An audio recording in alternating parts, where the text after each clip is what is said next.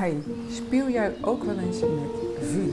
Terwijl je dat eigenlijk niet wilt. Terwijl je weet dat het niet goed is wat je doet of wat je zegt. En terwijl je het zegt, het lijkt gewoon wel alsof je er niet mee kunt stoppen. Nou, heel herkenbaar, weet ik ondertussen. Mijn naam is Judith Bruin van Bemin Jezelf en super dat je deze podcast luistert. Dat je relatie belangrijk voor je is en dat je die goed wilt houden en misschien wel wilt verbeteren. Draken die worden meestal afgebeeld als kwade, vuurspuwende monsters. En er bestaan ook andere draken dat weet ik. Uh, maar deze moeten in sprookjes dan gedood worden. En in sommige legendes worden vrouwen met spuurvuurende draken vergeleken. En uh, misschien klopt dat ook wel, want ja, uh, dat vuurspuw is natuurlijk een enorme kracht ook. Hè? En, en dat moet je dan een beetje goed gebruiken natuurlijk. Dus waarom spuwen die vrouwen dan met vuur? Vrouwen als ikzelf, ik herken me daar wel in. En uh, Mariska bijvoorbeeld. Mariska is een jonge vrouw, vriend, geen kinderen. En uh, ze ziet tegen haar functioneringsgesprek op. Ze denkt dat het allemaal wel losloopt, maar toch houdt het haar bezig. En als ze dan met haar vriend Thijs daarover praat, dan komt hij met goed bedoelde tips. En dat is niet echt waar Mariska behoefte aan heeft aan, hebt, aan heeft. Want um, ze is echt wel capabel om dat gesprek met de leidinggevende aan te gaan. Ze weet wat ze kan, ze weet uh, dat ze goed werk aflevert. Daar krijgt ze ook heus wel uh, zijn complimentje voor. Maar toch. En uh, ze wil dus helemaal geen ongevraagd advies. Ze wil dat hij bevestigt dat ze het echt wel kan, zodat ze zich wat zekerder voelt. Thijs, is al zover dat hij wel goed naar haar verhaal kan luisteren. Maar dan komt hij meteen met een soort stappenplan, zoals de meeste uh, mannen doen. En dat zal best een goed stappenplan zijn, uh, maar door dat stappenplan voelt Mariska zich niet echt gezien. En Thijs die snapt niet waarom dat, waarom dat zo is, want hij denkt, ja, waarom is ze niet gewoon blij met, met mijn advies? Ik, ik heb ervaring daarmee, dit is een heel goed advies. En wat hij dan niet beseft, is dat hij emotioneel niet thuis geeft. Um, hij is gewoon niet zo aanwezig bij zijn gevoelens. En dat is niet uit onwil, want hij denkt echt dat ze het beste geholpen is met, met goede raadgeving. Gewoon tips, stappenplan, uh, klaar. Maar Mariska die wil gewoon even de ei kwijt. Dus het zijn twee echt hele tegenovergestelde krachten, kun je bijna wel zeggen. Dus ze wil gewoon vertellen wat haar bezighoudt. en het had fijn geweest als Thijs dan had, Thijs dan had opgemerkt dat ze zich toch een beetje gespannen voelde. En dat snapt Thijs niet goed. Want onbewust wil hij, net als de meeste mannen, um, en ook heel veel vrouwen hoor, niet over zijn gevoelens praten. En hij loopt er liever voor weg. Uh, waarom? Omdat gevoelens vreemd voor hem zijn. Hij is er niet mee grootgebracht, zeg maar. Jongens, mannen maken, brengen me nog steeds groot met het idee dat uh, dingen voelen en erover praten is een teken van zwakte. En mannen moeten stoer zijn. Dus ze willen niet zwak zijn. Ze willen niet over gevoelens praten. Ze willen ze niet eens voelen. Dus Thijs denkt dat hij er wel heel goed helpt met zo'n stappenplan. Stick to the plan en alles komt goed. Doet hij zelf ook altijd. Werkt prima. Uh, maar Mariska is, die wil dat niet. Dat is niet waar ze om gevraagd heeft. Dus het is logisch dat ze zich niet gezien en niet gehoord uh, voelt. En um, omdat Thijs dus onbewust emotioneel niet thuis is, uh, is hij ook emotioneel onbereikbaar. Je voelt gewoon niet dat hij er is. En dat is pijnlijk. Want dan heb je ten eerste angst dat je behoeftes niet worden vervuld. Hè? Je behoefte om gezien te worden, gehoord te worden. Die je vaak niet eens bewust bent. Hoor. Het, gaat, het, is, het is een heel simpel gesprek eigenlijk, wat in heel veel relaties voorkomt. En uh, als iemand emotioneel niet thuis geeft, dan voel je ook dat de verbinding wat losser is op de een of andere manier. En het is dus logisch dat je je daartegen verzet. Uh, dus je, je probeert het nog een paar keer aan te kaarten. En in andere situaties kaart je het weer aan en je brengt het weer in. Um, en je vraagt of hij luistert naar je. En hij zegt, ja, ik luister toch. Hè? Ja, zijn bewijs van luisteren is dat hij met een goed advies of stappenplan komt. Dan heeft hij toch geluisterd naar jouw probleem. Maar als jij vraagt, of meestal als vrouw, wil je naar me luisteren?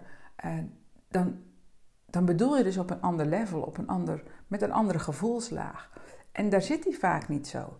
Dus wat gebeurt er dan? Je wordt boos of verdrietig. En uh, na de zoveelste poging ga je klagen. Je gaat gewoon klagen dat hij nooit naar je luistert of nooit je begrijpt of uh, nooit voor je klaar staat of nooit met je meedenkt. En je gaat een beetje fitten, zeuren, commando's geven, eisen um, of hem zelfs kleineren. Of je, je maakt grapjes over hem waar, waar anderen bij zijn. Uh, ook heel herkenbaar. Um, en eigenlijk doe je alles om maar een reactie te krijgen, om te voelen waar is hij nou? He, of hij zich kan staande houden met uh, jouw lief en leed, zeg maar. En of jullie dan nog in verbinding kunnen blijven. En dan is gek genoeg een negatieve reactie nog altijd beter dan geen reactie. Je zit in een stuk kindpijn. Je bent ooit niet gezien door je ouders, verzorgers, juf, maakt niet uit. En je reageert ook vanuit die kindpijn. En, en kinderen doen precies hetzelfde. Als ze niet genoeg positieve aandacht krijgen, dan maar negatieve aandacht. Elke reactie is beter dan geen reactie. Nou, dat wordt natuurlijk een soort van patroon op een gegeven moment. En uh, hij begint dat natuurlijk ook te herkennen. Hij is niet achterlijk. Hij kan tenslotte ook een heel goed stappenplan maken. Dus hij voelt dan die bui al hangen en die begint zich een beetje te verstoppen. Hij trekt zich terug, energetisch of letterlijk.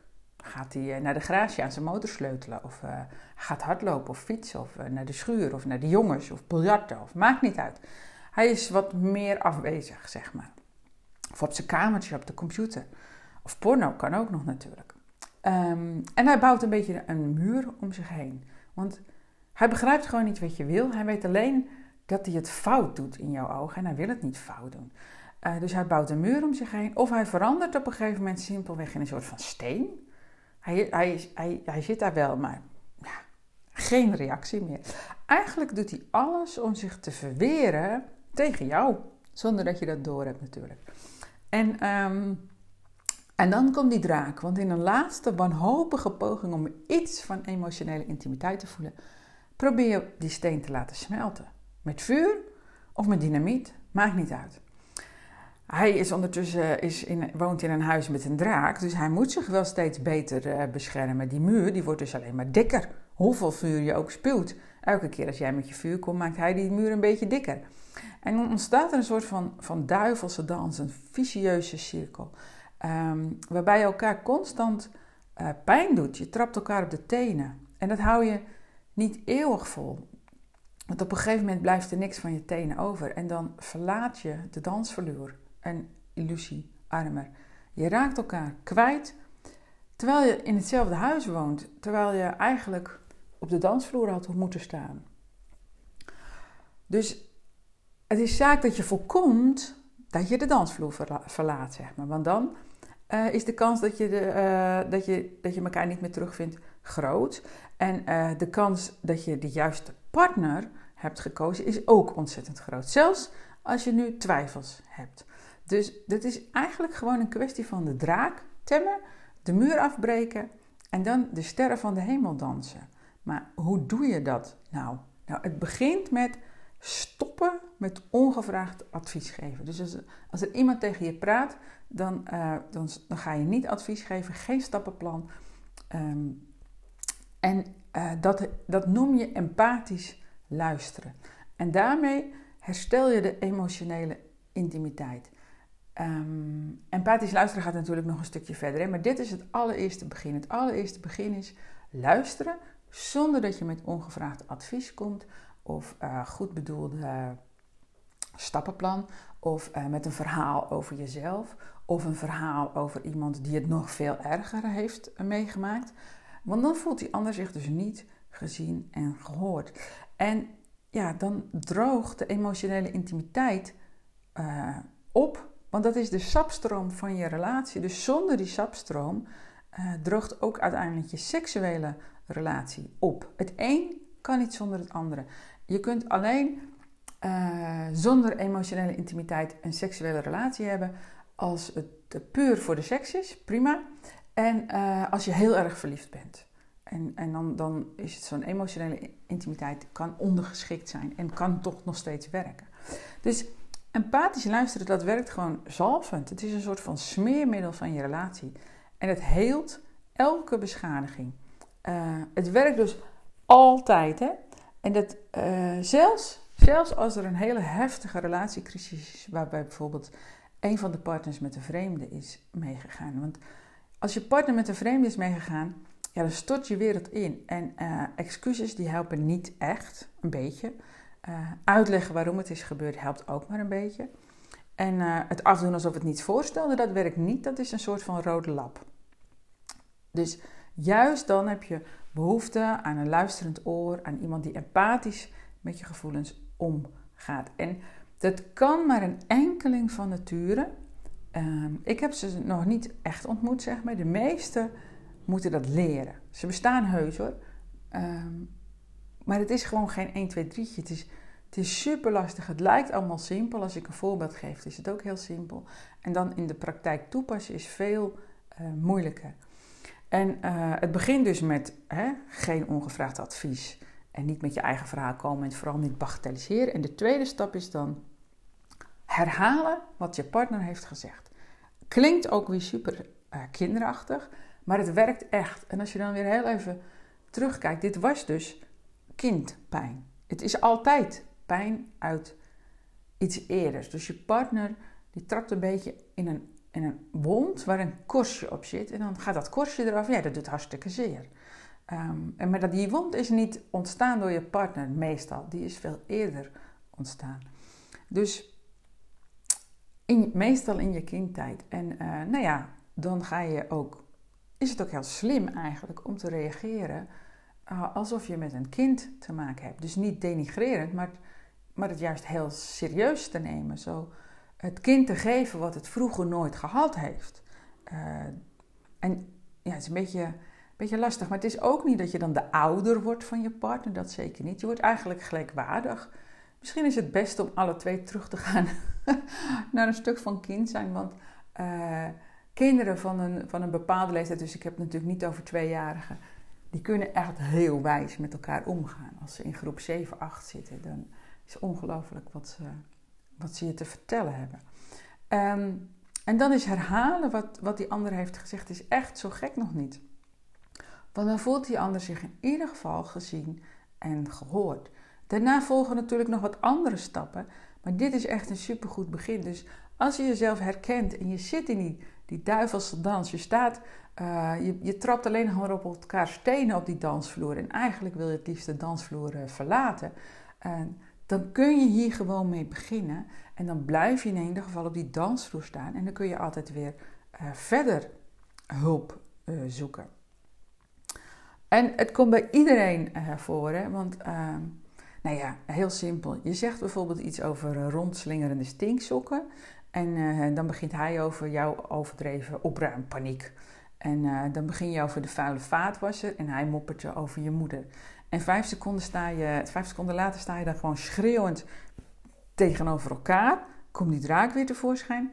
Met de kinderen erbij ook nog, weet je wel. En, en dan gaat het al lang niet meer over die stinksokken. Dan wordt het niet opruimen van de schuur erbij gehaald. Dat hij nooit luistert. Dat jij niet duidelijk bent. Dat je altijd gelijk moet hebben. En dat zou best zo kunnen. Maar daar gaat het helemaal niet om. Um, en dan ineens. Dan gaat het een stapje verder.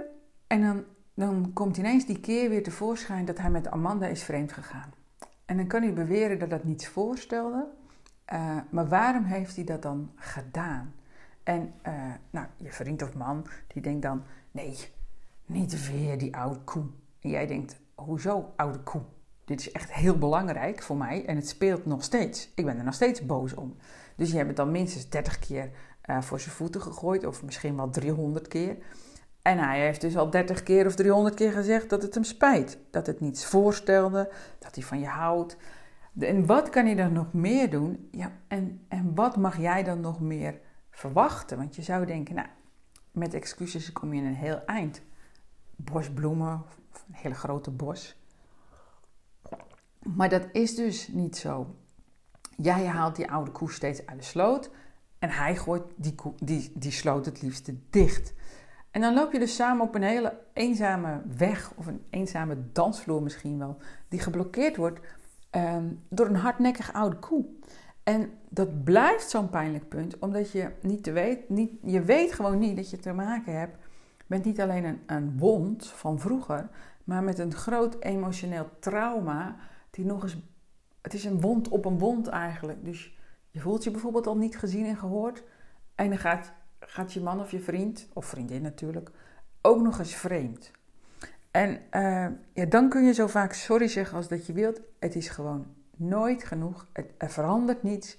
De pijn blijft. Uh, dus elke keer wordt die koe weer uit de sloot gehaald.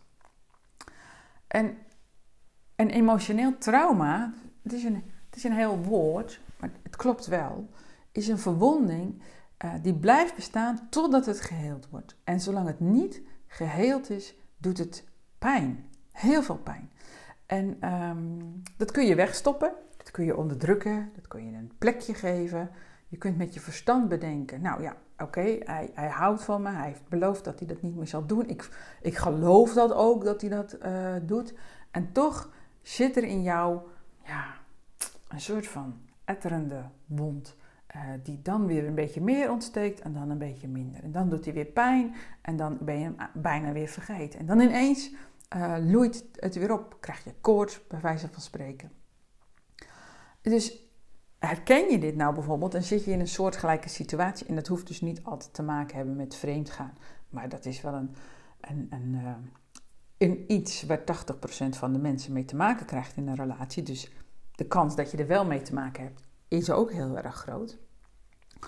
Dan is het dus zaak dat je zo snel mogelijk ontdekt uh, dat je een eind maakt aan dit destructieve patroon. Want steeds die koeien uit de sloot halen, werkt destructief. Die ander die wordt beschuldigd. Uh, en, en in het begin is dat logisch. Hè? Je focust je altijd op wiens schuld het is. Gaan we weer even terug naar die kleine kinderen. Als die vallen, die, die staan op en die kijken om zich heen. Doen twee dingen vaak, of drie. Sommigen rennen gewoon door, want die willen spelen.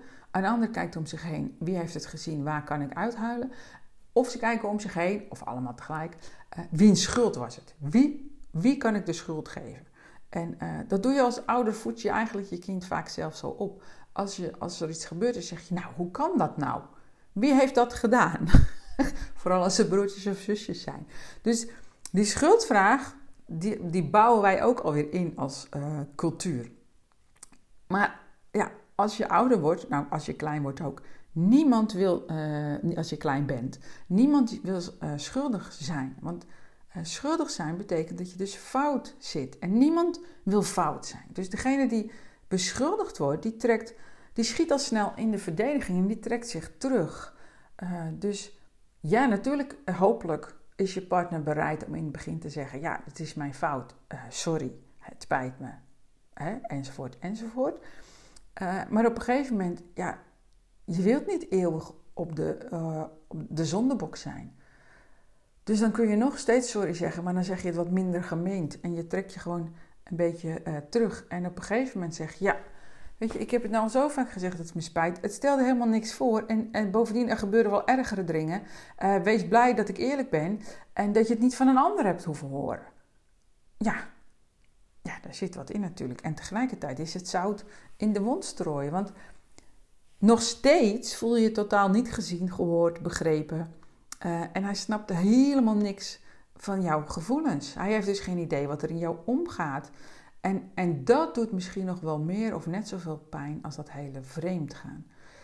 Zou hij nou vragen wat je voelt, waar je behoefte aan hebt? En ben jij in staat om daar ook adequaat op te reageren? Uh, dus echt vanuit je gevoelens en je behoeftes en niet meer vanuit je kwaadheid uh, te spreken dan heb je kans dat er een empathisch gesprek bestaat. En dan ga je voorbij aan de schuldvraag en dan kom je iets nader tot elkaar. En dan voel je dus een klein beetje meer verbinding. En dat is het begin van het hele van het emotionele trauma. En uh, je kunt gewoon leren hoe je dat doet, zodat die wond geneest. Uh, want ook jullie relatie verdient een second life. En Weet je, een litteken is nog altijd beter dan een wond. Een litteken maakt je relatie misschien niet sterker, uh, maar die wond ondermijnt uiteindelijk je relatie. Dus, uh, dus ontdek hoe je die schuldvraag overstijgt en ontmoet elkaar. Want je bent echt niet de enige die met je mee worstelt. Slechts 10% van alle stellen heeft een voor beide bevredigend seksleven. Kun je nagaan. En empathisch luisteren is, is een onderdeel om je relatie te verbeteren, om, om de verbinding te herstellen. En ook om je seksuele relatie weer nieuw leven in te blazen. Het kan ook zijn, juist, dat als een van beiden met de vreemde meegegaan is, dat er wel degelijk sprake is van seks en ook nog leuke seks. En dan toch, uh, als, je, uh, als je het bij mij wil leren hoe je dit oplost, dan haal je tijdelijk de seksualiteit uit je relatie. Want soms is seks de enige manier om verbinding te voelen. Uh, uiteindelijk is dat een doodlopend spoor. Dus al haal je dat tijdelijk uit de relatie, dan kun je dus je eigenlijk focussen, word je gedwongen, uh, klinkt heel erg, maar het levert je veel op, word je eigenlijk gedwongen om de emotionele verbinding te herstellen. En dan uh, gaat het hand in hand. Dus je verbindt je emotioneel een beetje, je bouwt de seksualiteit weer een beetje op. En dat gaat allemaal in stappen, stap voor stap, heel veilig gekaderd met behulp van de zeven sluiers. Um, nou, heb je nou gehad, uh, heb je iets gehad aan deze podcast? Vond je dit een interessant onderwerp? Um, klik dan even op het hartje, abonneer je. Um, wil je, heb je een vraag hierover en wil je die graag beantwoord hebben in een podcast? Mail me dan op judithaapstaatje.beminjezelf.nl en wil je gewoon meer weten over uh, hoe je dit doet en, en hoe je het oplost? Luister dan een keer naar een van mijn webinars. Uh, dat is live en dan geef ik antwoord op al jouw vragen. Dan ga je naar www.beminjezelf.nl slash webinars. Bedankt voor het luisteren. Ik hoop je snel weer uh, te spreken. bemin jezelf en bemin elkaar.